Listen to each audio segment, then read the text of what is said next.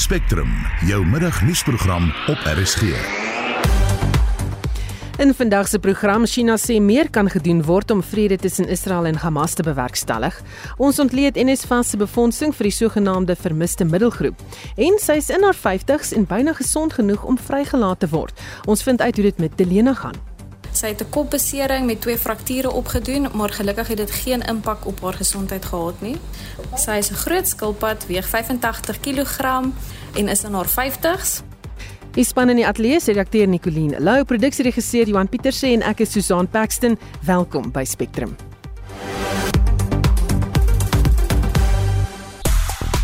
Suid-Afrika kry 'n nuwe kaptein vir die onder 19 mans eendag cricket wêreldbeker toernooi en 'n Wimbledon kampioen word in die eerste ronde in Melbourne uitgeskakel. Ek is Shaun Schuster vir RSG Sport. Op X deel gebruikers beeldmateriaal van die ANC se 112de bestaanjaar asook die gevolge van die besige dag onder die hitsmerk Mbombela. Op Instagram berig die media oor die rare wit wyfie pikkewyn wat tussen honderde Gentoo pikkewyne in Antarktika gesien is. Hou ons sosiale media platforms dop vir nog interessante brokkies. Nou ons gesels oor uh, lirieke, musiek en lirieke. Die sanger en liedjie-skrywer Koos Du Plessis het vandag 40 jaar gelede gesterf. Ons wil by jou weet wat is uh, jou mooiste lirieke ooit in 'n liedjie? Soos byvoorbeeld Sproeiereen het jy Opperman se gedig getoon set met die liedjie wat begin het met my noise en 'n nartjie, my ouma in kaneel en daar's iemand in 'n nuis, daar's 'n vrou in elke geur en dis sulke woorde wat jy kan proe en selfs kan ruik. Nou so ons vra vir jou vertel bietjie wat 'n lirieke het in jou hart gekruip en uh, ook hoekom. Stuur 'n SMS na 45889 dit kos R1.50 per SMS of neem daardie lirieke op. Jy kan dit dalk vir ons sing en stuur. Miskien het ons 'n nuwe ster wat vir ons ietsie kan sing, maar stuur vir ons 'n WhatsApp stemnota 076 536 6961 076 536 6961. China sê daar moet groter pogings aangewend word om vredesamesprekings te bewerkstellig tussen Israel en Hamas. Die Chinese minister van buitelandse sake Wang Yi sê daar moet 'n tydlyn gestel word om die besluite by so 'n konferensie dan ook af te dwing. Intussen nou Duitsland by sy voorneme om namens Israel by die geregshof in Den Haag in te tree. Duitsland voer aan dat Israel nie besig is met 'n volksmoord soos wat Suid-Afrika beweer nie. Ons praat nou met 'n strafregkenner advokaat François Botha. Goeiemôre François. Goeiemiddag Susan, goeiemiddag aan jou luisteraars. Gaan die hof enigstens na die saak kyk uit 'n politieke oogpunt? Die vraagstuk wat voor die hof dien is 'n regsvraagstuk en dit het met politiek absoluut niks te doen nie. Wat die taak opgelê is aan die 15 regters is om uit 'n regsperspektief 'n bevinding te maak op die feite met 'n agneming van dit wat homself fisies afspeel binne hierdie konflik tussen Hamas en Israel en die politieke ondertone wat daarmee verband hou of nie daarmee verband hou nie, het absoluut is absoluut irrelevant. Hmm. En Frans Tans voer almal half die argumente en kyk hierna uit 'n politieke oogpunt uit. Wel dit dit pas die skoen van sekere entiteite of sekere partye om daardie narratief na te volg. Ek dink wat 'n mens op die einde van die dag moet doen, is jy moet terugsit en objektief kyk na wat is die oorsaak van hierdie konflik en hoe speel die onderskeie partye wat 'n belang daarbey het se optrede aan die hand van dit wat hulle in in terme van die internasionale reg kan doen of nie kan doen nie. So ek dink daardie politieke ondertoon wat sekere entiteite en partye um, probeer bevorder, dit is net om hulle eie saak te te probeer versterk. Nou watter wetgewing sal die regters kyk as hulle die saak benader? Daar is internasionale konvensies wat verband hou met die wyse waarop state hulle self moet handhaaf binne in 'n konfliksituasie of in 'n oorlogssituasie soos wat ons tans mee te doen het. Hierdie is uiters uit en uit 'n 'n 'n klassieke militêre konflik, met ander woorde konvensionele oorlogvoering wat mense verkies om om uit die oog uit te verloor is Israel was nie die aggressor hier gewees nie. Israel se soewereiniteit is bedreig deurdat Israel aangeval is in Oktober laas jaar. Meer as 250 gijslaers is gevange geneem. Daai honderde mense is doodgemaak en vermink en dit het alles te doen met die die aggressiewe optrede van Hamas wat uit en uit en dit is wat die wat die geskiedenis ons leer 'n terreurorganisasie is. So die vraag is dan ook speel Israel binne die reëls hierdie wetgewing wat betref oorlog en miskien ook die definisie van wat 'n volksmoord is. Israel het te veel om te verloor. Israel is pligsgebonde om aan die hand van daardie wetgewing en daardie konvensies te doen wat presies aan hom opgelê word om te doen. En onder andere, jy is niemand kan of of of daar is geen regverdigingsgrond om om om om om gewone burgerlikes en kinders om die lewe te bring nie. Maar wat doen jy in 'n geval waar burgerlikes as 'n liggaamlike skuld voorgehou word om te verhoed dat daardie uh, terreurplekke van terreur en en en militêre strategiese posisies aangeval kan word nie. Daar is geen getuienis tot dusver objektiewe getuienis dat Israel dit wel gedoen het nie. Maar laat ek dit vir jou so stel, as Israel of enige ander party homself skuldig maak aan 'n oortreding van daardie wetgewing en van daardie regulasies en konvensies, dan is daar ernstige gevolge wat hom of haar in die gesig staar. Hm. Hoekom word hierdie dan beskou as 'n volksmoord deur sekere partye en nie 'n konvensionele oorlog soos wat die Oekraïne-Rusland oorlog benader word nie? Wel dit is 'n geval van hoe interpreteer 'n mens die konfliksituasie en hoe waar het dit sy oorsprong? En tot 'n groot mate is dit besig om dit homself uit te speel as 'n uh, as as as as 'n geskil tussen die Midde-Ooste en die Vrye Weste. Met ander woorde, jy kan vir jouself indink, indien die internasionale geregshof nie ten gunste van ehm um, die Palestynë of Suid-Afrika wat die aansoek gebring het nie, sal sal 'n bevel sal maak nie, dan is daar is, is daar 'n neiging of is daar 'n denkskool wat wat wat sê dat die hele Midde-Ooste behoort homself dan te skaar onder die sambreel van China en natuurlik is die teenoorgestelde ook natuurlik die waarheid. Ek dink 'n mens moet op 'n stadium net 'n bietjie diep asemhaal, terugsit, objektief kyk na die onbetwiste feite en daarop 'n waardeoordeel te maak binne die raamwerk van die konvensie en internasionale wetgewing. Baie dankie, dit was 'n strafregkenner advokaat Frans Chambotus. Die Suid-Afrikaanse Inkomste Diens het aangekondig dat hy die buitelandse sakeman Hazim Mustafa wat glo die buffels by Palapala wou koop destyds strafregtelik gaan vervolg. Die Inkomste Diens wou nie meer besonderhede bekend maak oor die saak nie, maar News24 berig dat die saak verband hou met die dokumente wat Mustafa ingevul het wat die buitelandse valuta verklaar.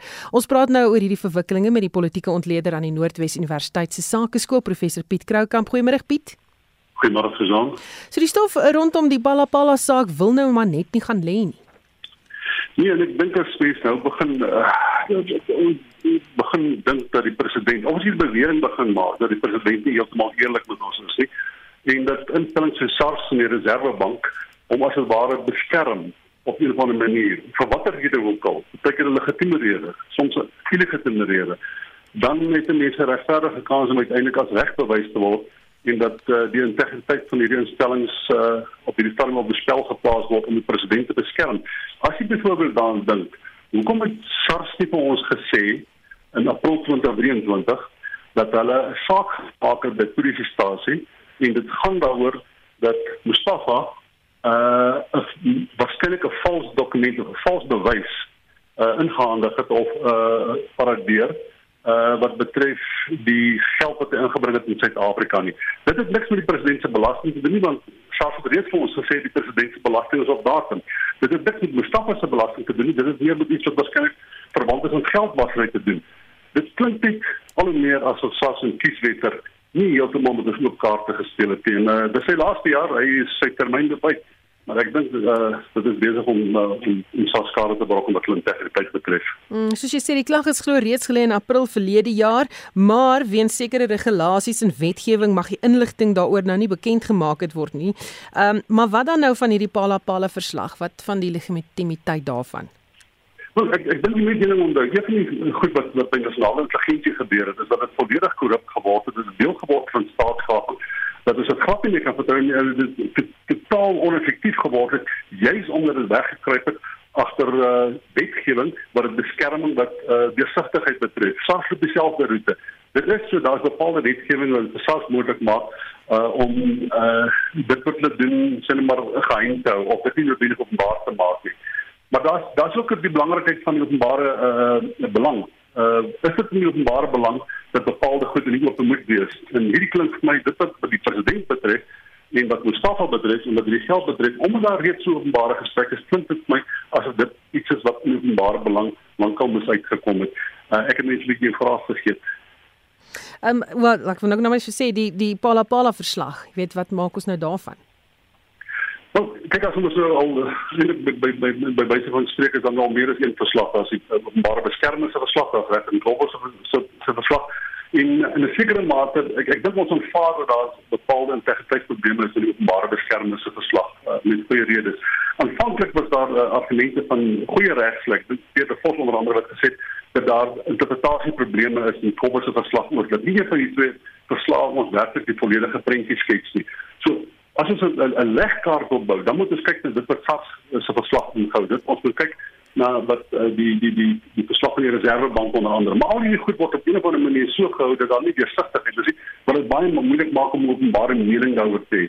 Maar die feit bestaan is die openbare mening is besig om teen die president te draai en teen hierdie instellings te draai. En ons kan eintlik nie meer bekostig dat enige die openbare beskerming SARS uh enige ding instel van die staat in uh, die die die die chapter 9 institutions of kan nie meer bekostig as dit gaan oor die nuwe as dit gaan oor op 'n manier die regstelling van hierdie 9 jare van van verlies en verlos wat ons gehad het onder onder Zuma. Ons kan nie bekostig hierdie instellings verder aan integriteitsprobleme lei nie. En en, en Ramaphosa doen niks. Die manier hoe hy Paula hanteer het, die manier hoe hy verslae nie werklik die volledige prentjie wou skets nie en weggeklik het agter die feit dat daar bepaalde wetgewing is wat hulle offerhoed of wat dit simpel vir hulle maak om nie volledig daaroor verslag te doen nie.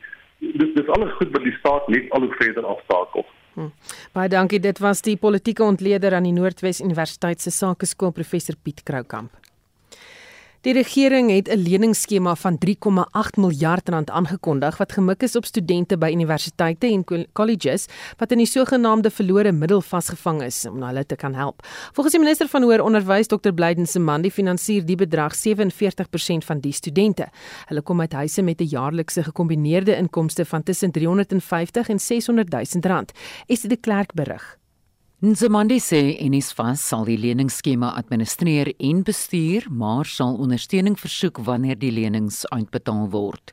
Studente wat finansiering soek, moet bereid wees om 'n leningsooreenkoms te onderteken en sal in enige studiejaar vir 'n lening kan aansoek doen. We have committed as government the initial capitalization fund totaling 3.8 billion rand to support the loan scheme in 2024 for the missing middle. This amount comprises of 1.5 billion from the National Skills Fund and 2.3 billion from Sector Education and Training Authorities (SETAs).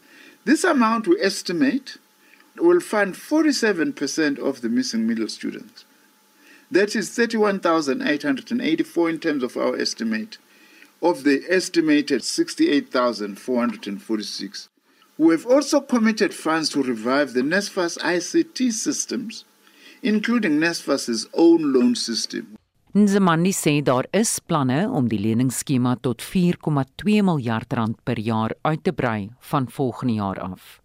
In implementing phase 2 of the funding model, which is now from 2025 to about 2034, the department will ensure that the seed funding contribution by government we are going to increase missing middle funding to 42.1 billion over 10 years. Which is approximately 3.1 billion to 4.2 billion annually. Together with the National Treasury, we will continue to engage with relevant institutions, including public and private, financial institutions, as well as public and private banks, to expand the scheme. Daar was talle NSFAS uitdagings in die verlede, maar die woordvoerder van NSFAS, Ismail Nisi, sê maatreëls is ingestel om uitdagings aan te spreek. NSFAS it is actually now implementing uh, their new uh, communication strategy, which focuses both internally and externally. This includes the enhancements that are being made in the call center and also to address all the issues that relates to uh, stakeholders.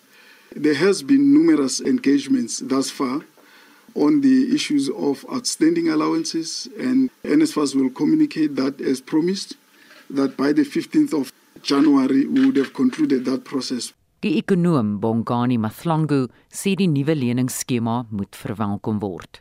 So this is quite a noble idea from the department. Student leaders and other stakeholders have been pushing for the funding of missing middle for quite a long time now. So I think this will be positively received in the sector and the entire country. But uh, if you look into the model that was outlined by the minister, it's not really different from how IGUSASA student financial aid program. Also, we are happy with the fact that it covers as to how the funding will be made sustainable over time. I think the biggest challenge here would be the systems readiness of NASFAS because we know that in terms of NASFAS systems, they are not always ready, even when the administration of NASFAS always has a problem. So you can tell that the NASFAS, uh, in terms of systems, is not quite ready. So to put on a new responsibility such as this one on them, that might also cause some crisis as well. Dit was die ekonom Bongani Mathlangu. Die verslag is saamgestel deur Paul Makobane. Ek is Estie de Klerk vir SAK nuus. Ons bly by die storie en praat nou met 'n besoekende professor aan die Universiteit van die Witwatersrand se Sakeskool Janie Rousseau. Goeiemiddag Janie.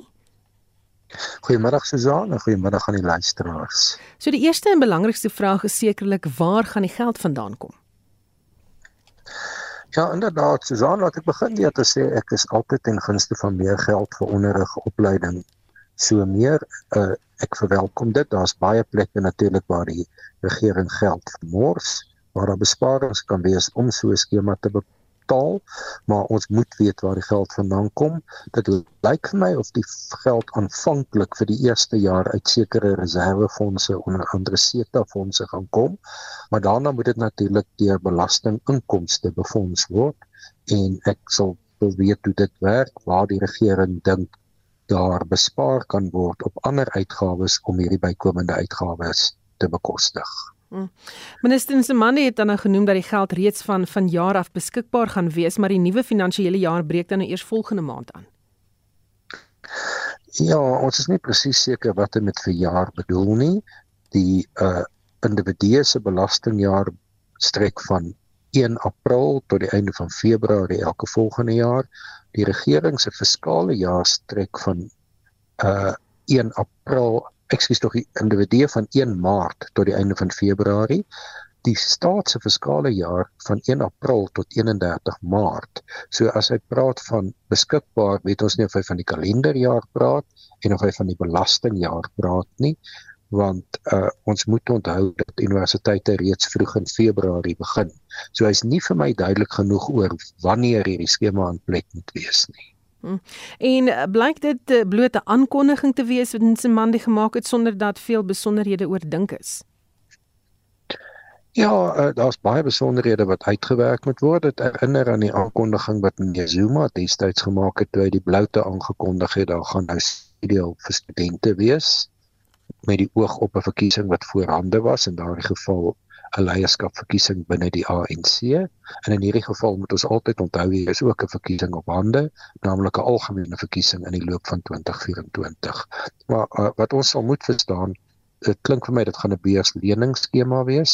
So hoe gaan die terugbetaling werk? Wie gaan die terugbetaling administreer? Op watter stadium sal studente moet begin terugbetaal? Byvoorbeeld moet hulle terugbetaal wanneer hulle klaar studeer het, begin hulle eers terugbetaal wanneer hulle begin werk en so meer. Ek moet my haas om te sê daar's natuurlik twee baie bekende beursleningsskemas in Suid-Afrika, die Noordelike Help Mekaar Fonds en die Kaapse Help Mekaar Fonds wat albei leningsskemas is en wat knap geadministreer word en die regering kan gerus by een van hierdie twee skemas gaan kers opsteek oor hoe om die administrasie te doen. Hm. Is daar rede tot kommer dat die aankondiging van die leningsskema moontlik kan lei tot nog 'n fees must fall debakel? Ja, dit kan absoluut die gevaar van 'n fees must fall debakel inhou as die studente verwag dat daar reeds voor die begin van Februarie sekere uitbetalings gemaak moet word. So die verwagtinge van studente in hierdie verband sal baie noukeurig bestuur moet word. Uh, ek moet dan ook byvoeg dat NISFAS in die laaste klompie maande baie swak publisiteit gekry het oor sekere ondersoeke wat gedoen is. En mense wil net hoop dat daar geen bedrog en korrupsie met hierdie nuwe skema sal wees nie. Baie dankie ons het gepraat met 'n besoekende professor aan die Universiteit van die Witwatersrand se Sakeskool Janie Resou. Na jare as 'n parlementslid het Nkosazana Dlamini Zuma aangekondig dat sy na die algemene verkiesing gaan uittreë. Sy het 'n uitnodiging van die hand gewys om as ANC-lid in die parlement te dien. Anmina Eckart doen verslag oor die rol wat sy as 'n LP gespeel het. Na die eerste demokratiese verkiesing het Dlamini Zuma 'n parlementslid geword en verskeie ministeriële posisies beklee. Sy word meestal erken vir die sukses wat sy met die departement van binnelandse sake behaal het. I'm going to Addis Ababa not as a savior, but as a humble servant of the continent.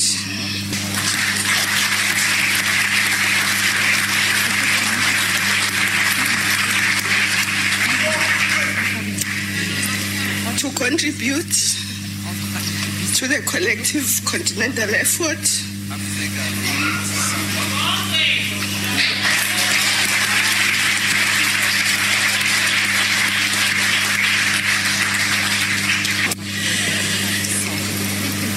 Don't worry, I cry when I'm happy, I cry when I'm sad, and today I've got both.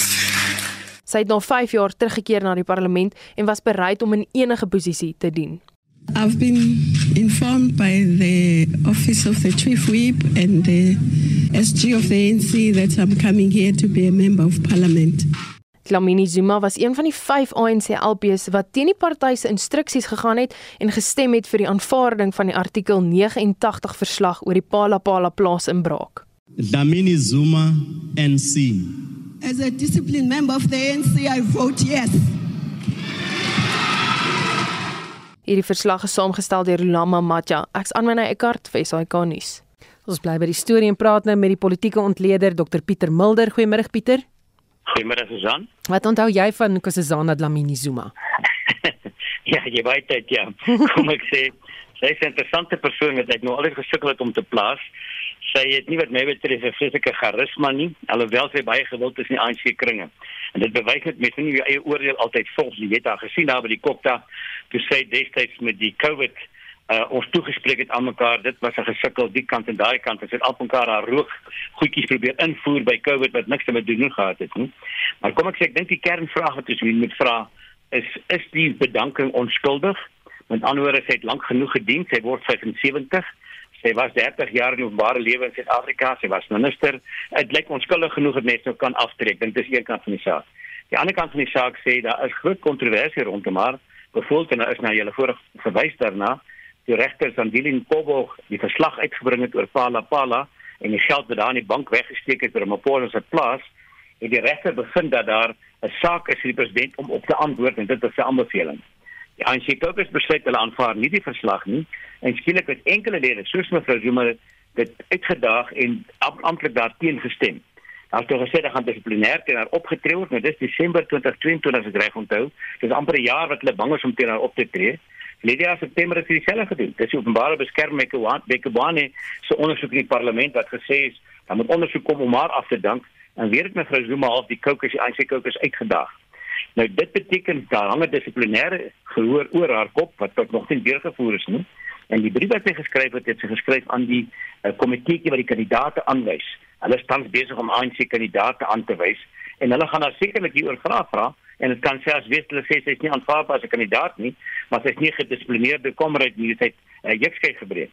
Ek begin dink dis eerder hierdie onthou, hulle skrik nie vir ouderdom nie, ek dink waar trek Zuma en met, Jacob Zuma en die dat dit die ouderdom is nie, ek dink sy sou nie hierdie kanse vat. Miskien nog een rede, sy was baie prominent altyd as minister en toe as gevolg van hierdie goed in Maart verlede jaar het Ramaphosa die kabinet geskuif en haar uitgeskuif van 'n belangrike politieke kop daartoe uiteindelik na minister van vroue sake, jeug en gestremde persone wat eintlik 'n minder ding is en as dit korrek is dat die kabinet gaan verklein is die kans goed dat sy elf van die weer kabinetspos sal kry nie na die tyd nie.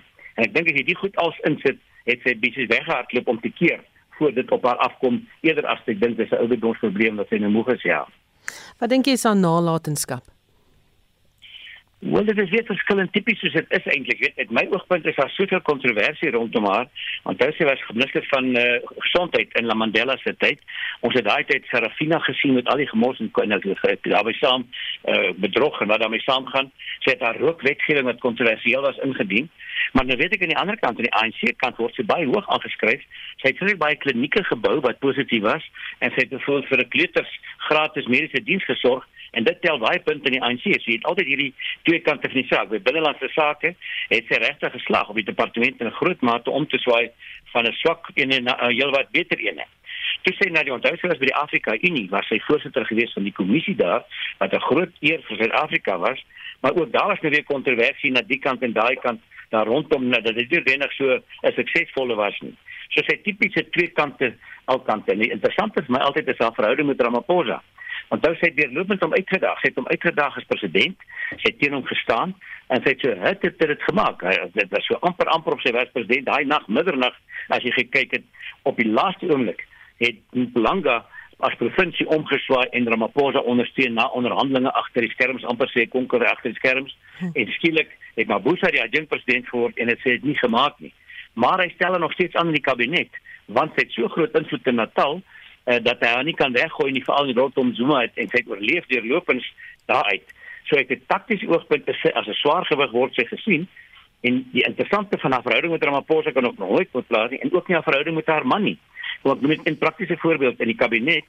Uh, teetyd gaan almal buitekant tee drink langsaan dan bly Zuma sit hy kry sy sy tee daar dan kom sy en dan staan sy langs hom sit haar hand om sy skouer en dan praat hulle baie goody goody met mekaar oor hulle kinders hulle vier dogters saam en ek het altyd gewonder lyk my as mens vier vrouens het vyf vrouens het nie skei is die verhouding heeltemal vriendelik en is nie verander nie ek kon nooit daai verhouding verstaan nie ja Hm, skien moet hulle vir ons 'n boek oor verhoudings skryf. Dink vir my dit het goed gegaan daar. Baie dankie. Dit was Dr Pieter Mulder, politieke ontleder. Jy luister na Spectrum op RSG. Later in die program probleme in KwaZulu-Natal weens erge oorstromings bly ingeskakel.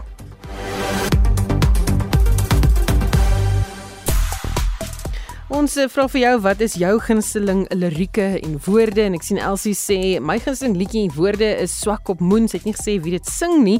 Kan dalk vir ons uh, laat weet as jy wil. En dan het uh, jy Barnard laat weet daar is nie enige sein op Beaufort Wes nie. Ons gaan dit aanmeld, maar as jy enige iets vir ons wil sê, kan vir ons 'n SMS stuur of selfs vir ons 'n stemnota aanstuur en vir ons vertel uh, wat is jou gunsteling liedjie. Daardie stemnota of WhatsApp nommer is 0765366961 of die SMS lyn 45889 9. Onthou SMS se kos R1.50. Tyd vir sportnuus met Shaun Jooste. Goeiemôre Shaun. Goeiemôre Susan. Cricket Suid-Afrika het 'n nuwe kaptein vir die opkomende onder 19 mans eendag wêreldbeker toernooi aangekondig. Vertel ons daarvan. Ja, David Tiger is verlede week as uh, van sy kapteinskap ontneem wees sy standpunt oor die Gaza-Israel konflik en word nou deur Joan James vervang. Suid-Afrika is in Groep B saam met Engeland, Skotland en die Wes-Indiese eilande geplaas en speel Vrydag in Potchefstroom in hulle openingswedstryd teen die Windies. Die toernooi vind tussen 19 Januarie en 11 Februarie in Benoni, Bloemfontein, Kimberley, Oos-London en Potchefstroom plaas. Durban is vandag gasheer vir die enigste wedstryd in die SA20 reeks. Ja, dit is reg. Die Durban Super Giants en die Joburg Super Kings pak mekaar vanmiddag 06:30 op Kingsmead. Die Super Giants word aangevoer deur die Protea draaibouler Keshav Maharaj en die Super Kings deur voormalige Protea kaptein Faf du Plessis. Die Super Giants het ook beide hulle eerste twee wedstryde gewen terwyl die Super Kings nog op soek is na hulle eerste oorwinning en die Super Giants is heidaglik bo aan die punteleer op 8 en die Super Kings 5de op 2 punte. Die Afrika Nasies beker toernooi vind in die, die Ivoorkus plaas. Watter wedstryde lê vandag voor? Vanmiddag 4uur speel die huidige kampioen Senegal teen Gambia, vanaand 7uur Kameroen teen Genee en dan vanaand 10uur Algerië teen Angola en onder Bafana Bafana se môre aand teen Mali in aksie. Is daar enige verrassings op die tennisbaan by die Australiese Ope? In die vroue afdeling is die Wimbledon kampioen Marketa Vondrousova van die Tsjechiese Republiek vanoggend met 6-1 en 6-2 deur die Oekraïense kwalifiseerder Diana Yastremska uitgeskakel. En dit lyk nie of uh, Vondrousova heeltemal van haar heupbesering herstel het nie. Die tweemalige kampioen Naomi Osaka van Japan maak haar terugkeer na die Ope teen Caroline Garcia van Frankryk en dan in die mans afdeling het die Argentyn Thomas Echeverry 6-4, 6-2 en 6-2 met die Brit Andy Murray afgereken. Baie dankie. Dit was Shaun Jooste met die sporthoogtepunte. En intussen, die 54ste vergadering van die Wêreldekonomiese Forum begin vandag in Davos, Switserland. Die tema die jaar is herstel vertroue. Die tema is gekies weens konstante ekonomiese terugslag in die wêreld weens die COVID-19 pandemie impak en voortsleepende oorlog. Die president van die FSA, Joe Biden, gaan nie die konferensie bywoon nie en president Cyril Ramaphosa het ook aangedui dat hy nie die konferensie sal bywoon nie. Ons praat nou met die hoofekonoom van die Efficient Groep, Dawie Rood. Goeiemôre, Dawie. Goeiemôre, Susan. So hoekom gaan ons president nie dink jy? Wel ek dink daar's twee redes. Die eerste een is dat hy natuurlik hierdie baie belangrike feesvieringe van die ANC se verjaarsdag partytjie wat hy besig is om by te woon. Die ander een is dat die ek dink Suid-Afrika het meer nasenby die statuur wat ons gehad het toe hy die eerste keer daar was in 2018. 2018 was die rooi tapijt behoorlik uitgerol vir Suid-Afrika. Almal wat met Suid-Afrika gepraat het, ons het baie goeie en positiewe publisiteit gekry oor die hele wêreld heen.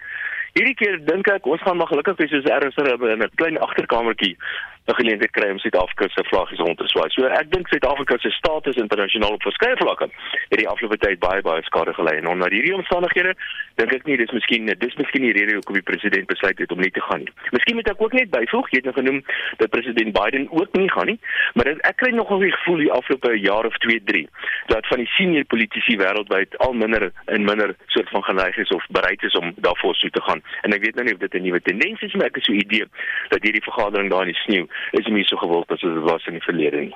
Ek wil nou vir jou vra, hoe belangrik is die wêreldekonomiese forum dan?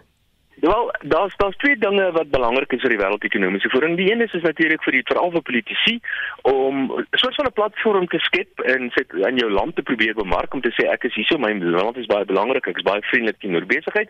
En dan die tweede rede is inderdaad vir besigheid om dan nou van hierdie platform te gebruik om in 'n poging om om besigheid met Suid-Afrika te doen. En dit is hoekom ons nou politieke leiers het. Ons het ses ministers wat ons stuur, wat ek glad nie kan verstaan hoekom so baie nie. Veral sekere ministers wat ons gestuur het wat ek kan glad nie verstaan wat wat doen hulle daar nie. Maar hoe dit ook al sê en hy natuurlik het ongo by besigheidsmense ook wat ek wel kan verstaan hoekom hulle daar is. Maar maar die idee is om dan 'n platform deur die politieke leiers daar te stel wat hopelik dan gebruik gaan word deur ons besigheidslei om besigheid uiteindelik vir Suid-Afrika te genereer. Wat dink jy gaan alles op die sakelys wees? Daar's 'n paar dinge alreeds op die sakelys van die van die goed het te doen met die gewone ou goeders. Een daarvan het te doen met onder andere klimaatsgoeders. Dit is altyd nou maar daar jy verwys na COVID ook. Ek kan miskien net noem dat die uh, die Wêreldbank het sopas aangekondig hulle verwag ekonomiese groei van sowat 2.6% vir die wêreld.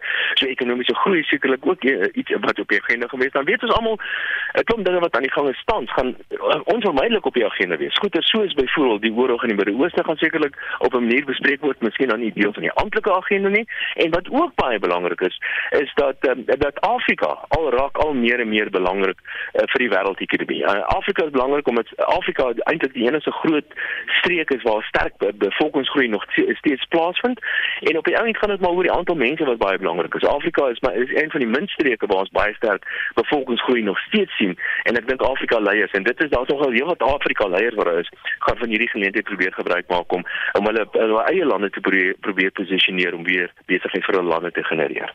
Baie dankie. Dit was die hoofekonoom van die Efficient Groep, Dawie Rood. Die ontplooiing van die Suid-Afrikaanse nasionale weermag na die ooste van die Republiek die Kongo is eh, onverantwoordelik. Die DA sê in 'n verklaring dat dit die risiko of die risiko te groot is vir weermaglede omdat daar nie genoeg kapasiteit en hulpbronne is om ondersteuning te bied aan ons weermaglede daar nie.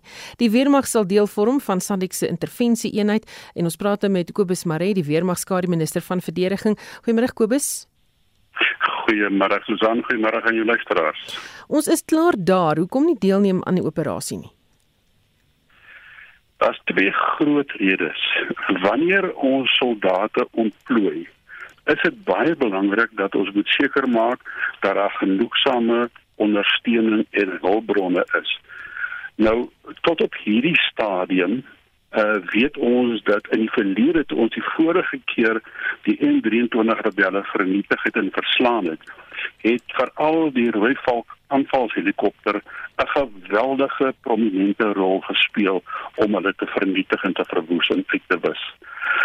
Die die realiteit ons het die Rooivalk ondersteuningshelikopters wat die vervoerhelikopters is, het ons het ons uh, vyf in die DRK gehad waarvan altyd uh gereed was om kon vlieg het en ons het twee rooi valke gehad. Op hierdie stadium is daar geen rooi valke beskikbaar nie en daar is een van vyf in die hele DRK wat wat wat missie gereed is. In die hele Suid-Afrika en in Mosambiek en in die DRK het ons ongeveer 4 of 5 van ons 39 oryx beskikbaar. So eerstens in terme van lugsteen het ons nie die lugsteen nie en en in terme van ehm um, sorry Susanne jy daar? Ja, gesien, ja, ja praat. Ja, ja. Uh in in terme van oor dit is belangrik en ons ander hulpbronne wat ons nodig het. Wanneer ons kyk na die befondsing, onthou ons is die afgelope 20 jaar deel van die MONUSCO uh magte en ontplooiings, die vredesmagte van die Verenigde Nasies. Ons het elke jaar ongeveer 405 tussen 450 miljoen en 750 miljoen gaan die 1 biljoen rand se uitgawes het ons teruggekry as as terugbetaling van die Verenigde Nasies af. Hmm. Op hierdie stadium is daar geen aanduiding waar SADC se fondse vandag gaan kom nie of daar gaan wees nie. Soos wat ons in Mosambiek by in Cabo Delgado ervaar het as deel van SADC, was daar nie eintlik geld wat teruggekom het nie. Ons is die grootste bydraer van SADC. Dit beteken implikasie as daar nie addisionele geld in hulpbronne is nie, dan moet daai 1 miljard rand plus 'n proporsie van die ander sin moet uit die uit die uit die bestaande begroting van die weermag uitkom.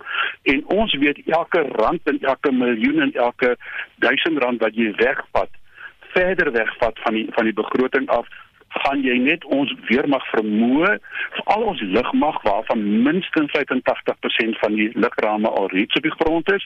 En ons weet ons het feitelik geen uh, vlootkapasiteit marine maritieme kapasiteit oor nie. En ons ons ons landmagte se vermoëns word ook totaal uitgeput. Ons het 4 diens afdelings van die weermag en ek wil nie eers praat van die ander twee en veral die mediese diens nie wat ja. net so verval nie. So ons het nie die hulpbronne nie en wanneer ons moet gaan kyk of, of waar moet ons ons geld spandeer?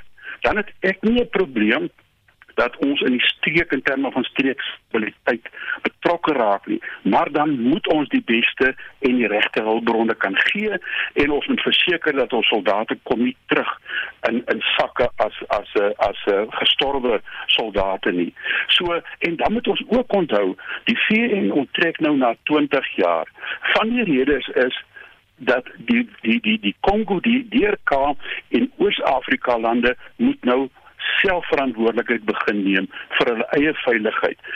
Indien ons nou nog daar moet betrokke raak, daar's geen aanduiding van wat die tydsraamwerke is nie. En dit beteken ons moet tot 'n ewigheid dalk daar betrokke wees, dit terwyl ons elke dag meer en verder verval binne Suid-Afrika. Hmm. Ons behoort terug te kom en te kan sê, wat moet ons doen? Hoe moet ons dit doen? Ons moet gaan ons eie vermoë gaan opbou. Ons moet ons ou en vervalle toerusting, al ons strategiese toerusting moet verval, moet moet vervang word, moet opgegradeer word, ehm um, moet vernuwe word. Ons sit met ou analoog tegnologie en het, en ons ons teenstanders maak en ek gebruik van vyfde generasie uh, digitale tegnologie. Ons het geen ons het bitter min sulke vermoëns en en ons word eintlik blootgelê op ons maritieme en ons landsgrense. Ja, laat ons betrokke raak in Mosambiek want dit is naby ons, dat ons keer dat dit nie oorspoel nie. Maar die DRK het uit uit uitsluitlik 'n oostelike DRK en 'n Oos-Afrika probleem geraak. En ons kan nie daar nie, jy weet, hoe sê hulle die hmm. Engelse spreekwoord charity starts at home. Ja, en ons moet ons onsself gaan opbou, ons eie grense uh en ons ons vermoë gaan her, her herprioritiseer en opbou. Op hierdie stadium is die probleem daar blyk nie dat daar 'n politieke wil is nie en natuurlik die president is veronderstel volgens die grondwet om ons in kennis te stel 7 dae na enige uh, uh ontplooiing gemagtig het. Op hierdie stadium het daar nog niks gekom nie. Dit wat ons weet lees ons op in die media. Hmm. En so vinnige laaste vragie, jy het dit genoem, maar hoe gevaarlik gaan hierdie wees vir ons soldate? Ek dink dit gaan baie gevaarlik wees. Ons weet wat al in die verlede gebeur het en ons weet dat in die, tot op tot in die verlede wanneer 'n Oryx vervoer helikopter uitgegaan het, was hulle gewoonlik in pare uitgegaan. En wanneer hulle veral in die rooi gebied ingegaan het of die groot gevaar, dan was hulle vergesel deur twee rooi valke wat heeltyd die aanvalshelikopters heeltyd uh, uh, uh, daar was en hulle was dodelik geweest. En hierdie uh, is um uh, ek wil sê magte het baie duidelik geweet wat die vermoëns is van ons rooi valke. Op hierdie stadium as jy nie daai vermoë het om in en uit te gaan nie en en hulle te beskerm nie, dan is die gevaar baie baie groot. Ons sit in elk geval met 'n probleem met logistieke ondersteuning van Suid-Afrika af om seker te maak dat ons van ons toerusting op topstandaard bly. En uh, en en dan sê ek, kom ons kom terug en ons en ons kry onsself in 'n posisie waar ons onsself kan verdedig en waar ons 'n konstruktiewe rol kan bydra maak buite maar waar ons dit wel kan bekostig en onsself nie in die voet skiet nie en dit besig om te gebeur. Baie dankie dit was die DA-skare minister van verdediging Kobus Marie. Swaar reën het sedert die begin van Desember erge verwoesting in verskeie dele van KwaZulu-Natal gesaai en 50 mense is dood. Volgens die departement van onderwys kan die oorstromings die heropening van verskeie skole in die provinsie vertraag. 5 mense het die naweek gesterf weens oorstromings en swaar reën in die provinsie en Anmanay Eckart het meer. Baie skole in Ladysmith en Dundee is erg beskadig weens die oorstromings die afgelope ruk. Die woordvoerder van KwaZulu-Natal se departement van onderwys, Musi Mahlambi, sê hulle het die koste van die skade bereken. These uh, storms will have a great impact when we open the schools because some of the schools like I've said that they need drastic attention, some are partially damaged, but all that the impact will be uh, our position financially that we don't have the fiscal muscle that is needed. So that will also delay in terms of going to treasury, asking for additional funds and stuff like that. All those things, the delays will definitely have impact. We don't want to lie about that. Maslambi sê die departement is besig om met alle rolspelers te praat om vertragings in onderwys te verhoed. Hy sê alternatiewe onderrig sal beskikbaar wees vir verskeie skole. We are working around the clock to have some of these schools provided with the mobile classes. Some there are damages in the schools, but they are usable classrooms that we are going to be using in the interim uh, whilst we are mobilizing the finances in order to cater for that. Vandalisme en diefstal by verskeie skole in die provinsie is nog 'n kopseer vir die Suid-Afrikaanse Demokratiese Onderwysunie. Nomarashia Kaluza van Sadou sê skade aan een van die oudste skole in Chatsworth weens vandalisme beloop 100 000 rand. We have received reports of schools that have been broken into, and what is strange this time around, which needs to be taken care of, uh, looked closely by the Department of Education. You know, this time around, what has been stolen in the schools, according to the reports that were received, is stationary. It's stationary, which may happen that there is now the circulation of the same stationary people who provide maybe they move this stationery to this school and then they will move. Sadou sê behalwe vir die impak van vloede, het die departement nie voldoende fondse om leermateriaal aan meeste skole te voorsien nie. We find that the department has failed dismally actually to provide sufficient LTSMs to schools. You know, most schools received almost a quarter of money that they need to use in order to buy these materials. And also those schools that orders from the department, they receive very little. You know, you find that principals now are forced to make a special request to parents to buy, you know, exercise books. Mahlambi sê baie skole het nog nie skryfbehoeftes ontvang nie, maar dat afleweringe gedoen sal word voor die skole Woensdag heropen. Die verslag is saamgestel deur Onyabula Matungwa Makamu. Aksan Manay Ekart vir Saikonis. Vanmiddag se sake nuus word aangebied deur Leon Bell, 'n portefeuljebestuurder by Netbank Korporatiewe Beleggings in Sandton. Goeiemiddag Leon. Goeiemiddag Susan en Rosveld. Die Amerikaanse mark het gemeng gesluit. Die Dow Jones wat 0.31% afgesluit het. Die S&P 500 het met 0.08% positief gesluit en die Nasdaq was op 0.02%. Verskeie Amerikaanse banke het vir resultate bekend gemaak onder andere JP Morgan Chase, Wells Fargo en Citibank. Wells Fargo het gewaarsku dat sy netto rente netto rente inkomste met 7 tot 9% gaan daal. En op die rug van dit het die aandeleprys geval met 3.34%. Jy moet asseblief ook kennis dat van oor die Amerikaanse markte vandag gesluit is weens Martin Luther King Dag. As ons kyk na Asië, sluit die Hong Kong Hang Seng op met 0.4%. Die Japaneese Nikkei sluit op met 0.98%. Die Australiese ASX 200 sluit swakker met 0.03%. In Europa verhandel die Britse FTSE swakker met 0.19%. Die Franse CAC 40 verhandel tans laer met 0.23% en die Duitse DAX verhandel tans laer met 0.26%.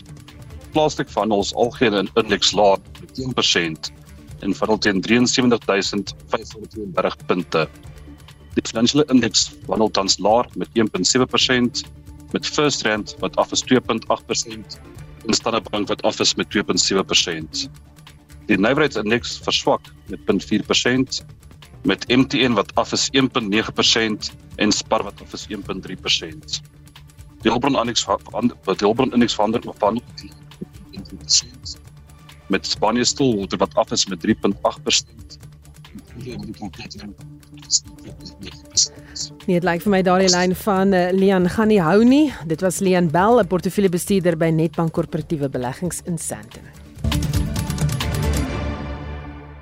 'n Karetsie skilpad wat in Desember verlede jaar na die Oshaka Aquarium gehaas is nadat sy met ernstige kopbeserings gevind is by Banganek in KwaZulu-Natal, is bykans gesond genoeg om weer vrygelaat te word. Die Oshaka Aquarium personeel sê hulle is nie seker hoe die seeskilpad wat intussen Delena gedoop is, die beserings opgedoen het nie. Marley Jacobs, se verjaarssuster, sê die seeskilpad moet egter teruggaan na Banganek toe omdat sy vol eiers is. Op die 30ste Desember het 'n seeskilpad van isiMangaliso ingekom. Die mense wat haar gered het, het haar die naam Delena gegee. Sy het 'n kopbesering met twee frakture opgedoen, maar gelukkig het dit geen impak op haar gesondheid gehad nie. Sy is 'n groot skilpad, weeg 85 kg en is in haar 50's. Op die oomblik bied ons ondersteunende behandeling. Sy swem en is gesond. Die doel is om haar so gou as moontlik vry te laat want sy is vol eiers en reg om te lê. Ja, sy, sy is gereed om weer terug te gaan. Jy het so mooi nog gekyk. Sy is gereed om terug te gaan binne die volgende week of twee. Ons het haar net gehou vir observasie om te kyk of sy nie neurologies is nie, maar sy is 100% en is reg om te gaan. Terwyl dit nou 'n broedtydperk is van, jy weet, vir die skilpaaie en die kus, kry hulle baie skilpaaie in of is dit uitsondering? Ons kry gewoonlik 'n uh, paar skilpaaie in, ek sal sê so 20 per jaar. Ons rehabiliteer meeste marine diere van seepertjies, visse tot robbe. Wanneer hulle inkom, doen ons 'n kliniese evaluasie om die gesondheid van die dier te bepaal. Daarna voorsien ons die nodige mediese behandeling en sorg totdat die dier sterk genoeg is om weer vry te laat. En dit was 'n verjaarssuster by Ushaka Marley Jacobs. Terwyl die 2023 matriekklas in groot afwagting sit en naalsbyt oor hulle matriekuitslae wat Vrydag bekend gemaak word, het die gehaltebeheerliggaam Umalusi vanoggend goeie en slegte punte van die 2023 eindeksamen uitgelig nadat die uitslae geverifieer is. Umalusi sê hy is steeds bekommerd oor leerders wat oneerlik is, Estie. In 2022 Susan is meer as 1000 leerders wat oneerlik was uitgevang en in die 2023 eksamen is 45 leerders in Gauteng in openbare en private skole vasgetrek omdat hulle notas gebruik het om af te kyk. In KwaZulu-Natal het 'n persoon homself voorgedoen as 'n leerling om die eksamen namens 'n ander leerling af te lê. Die bestuurshoof van Umalusi, Mafura Kometsi, sê alles moontlik word gedoen om die ondersoeke af te handel. Rakometsi het egter ook op die positiewe gefokus. Hy het gesê Umalusi was voor die eksamen veral bekommerd dat voortsleepende beurtkrag en gemeenskapsprotesaksies die eksamen kon ontwrig, maar geen eksamen is weens beurtkrag of protesoptogte ontwrig nie en hy het ook gesê geen eksamenvraestelle is tydens die 2023 eksamen uitgelek nie. Hy het kommer uitgespreek oor veral twee. Goed, een daarvan is dat swak drukkersgehalte in van die provinsies vra en sommige vraestelle beïnvloed het. En dit sluit onder meer vrae in die vraestelle in natuurwetenskappe en houtwerk in. Hy het ook kommer uitgespreek oor die departement van onderwys se swak vertaling van vraestelle vanaf Engels na Afrikaans wat veroorsaak het dat matrieks nie sommige vrae onder meer adrekskunde kon beantwoord nie. Hy brei uit op foute in ander vraestelle.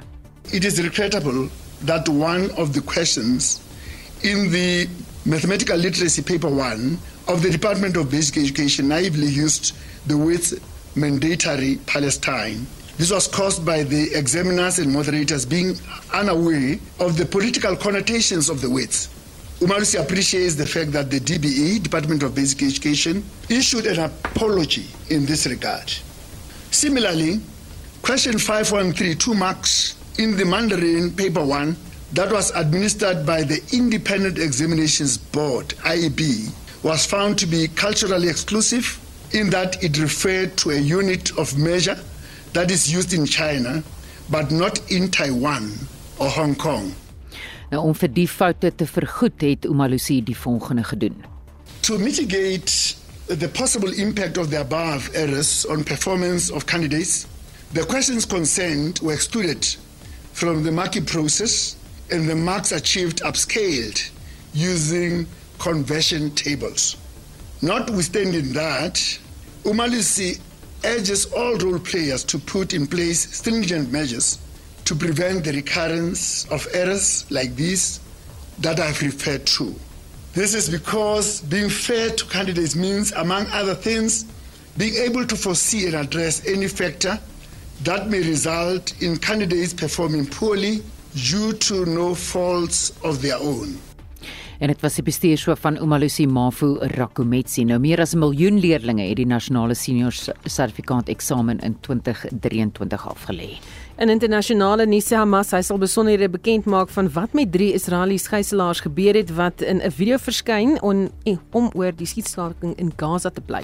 En die drie gijslaers se aan was onder die gijslaers wat op 7 Oktober deur Hamas gevange geneem is en dit is nie duidelik wanneer die video vervilm is nie, maar die BBC se Yolani Ngel het meer besonderhede. In the video, released 100 days after they were taken captive, an Israeli woman and two men urged their government to stop the offensive against Hamas to secure their release. Hamas has already said that many of the more than 100 hostages it still holds may have been killed by Israeli strikes.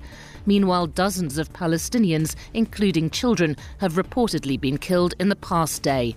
A UN official said disease was also spreading in Gaza, with the clock ticking fast towards famine. En dit was die BBC se Jolandi Nel en sy het vir ons se oog oor al die nuus en ontwikkelende stories gehou.